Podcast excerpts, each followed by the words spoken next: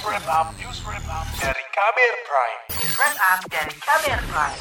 Sudah 20 tahun Asfinawati bergelut di bidang advokasi dan pendampingan bagi masyarakat pencari keadilan.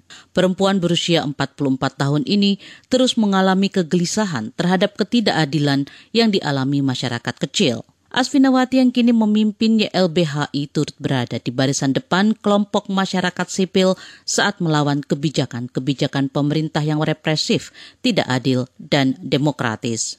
Saya tahu ancamannya besar sekali eh, karena itu memang perlu konsolidasi ya. Antar masyarakat itu perlu saling ngobrol, mencari tipsnya gimana ya supaya berpendapat nggak mudah dikriminalisasi meskipun nggak ada jaminan menurut saya saat ini. Ngomong apa aja ada yang nggak maki-maki yang pakai data tetap dikriminalkan gitu. Asfinawati adalah satu dari sedikit anak muda Indonesia yang mau menempuh jalan pedang, jalan tajam dan terjal di bidang advokasi hukum dan hak azazi masyarakat kecil. Bertahun-tahun lalu, publik Indonesia mengenal Munir Said Talib, aktivis muda pegiat hak azazi manusia dan pendiri Komisi Orang Hilang dan Korban Tindak Kekerasan Kontras. Sejak muda, Munir membela buruh, mengadvokasi korban kekerasan dan menentang kekerasan aparat di era Orde Baru. Belakangan, Munir tewas dibunuh pada usia 39 tahun, enam tahun setelah Orde Baru runtuh. Mati satu, tumbuh seribu. Setelah Munir, bermunculan anak-anak muda yang memilih jalan perjuangan pendamping masyarakat menjadi oposisi pemerintah, seperti Usman Hamid dan Haris Azhar yang sempat ikut belajar dari Munir. Keduanya sempat memimpin kontras sepeninggal Munir.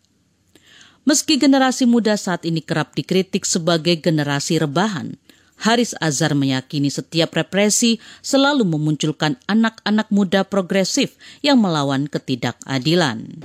Misalnya RDK, reformasi di korupsi sejak 2019, lalu kemarin waktu Omnibus. Menurut saya sih alarm demokrasi itu ada di mereka jalan gitu organisasi-organisasi besar yang yang mantau soal serangan terhadap warga sipil itu e, bilang di tengah banyaknya serangan terhadap warga sipil oleh negara itu justru kreativitas itu juga muncul jadi tumbuh bersamaan. Jadi kita teriak tapi sebenarnya kita lagi berkreasi e, mencari terobosan-terobosan baru. Jadi dari situ nanti justru makin memunculkan aktor-aktor hmm Uh, jadi bu mungkin bukan aktor atau aktris yang menyebutnya, tapi leader. Anak-anak muda tuh ada dari situasi ini akan memunculkan leadership. Salah satu sosok anak muda yang melawan kemapanan adalah Gustika Yusuf Hatta, cucu proklamator Muhammad Hatta. Perempuan berusia 27 tahun ini sudah aktif di berbagai forum internasional.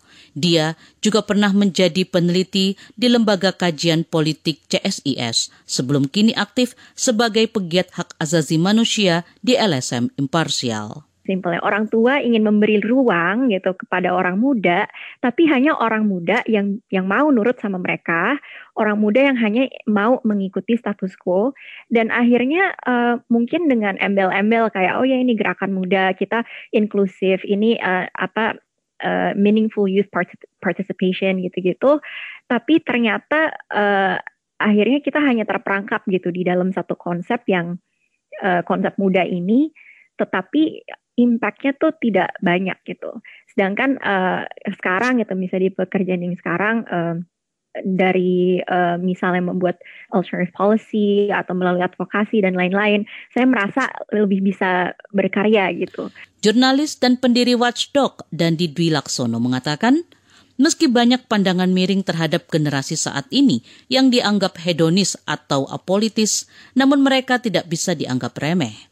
Menurutnya, setiap generasi memiliki caranya sendiri dalam melakukan perlawanan.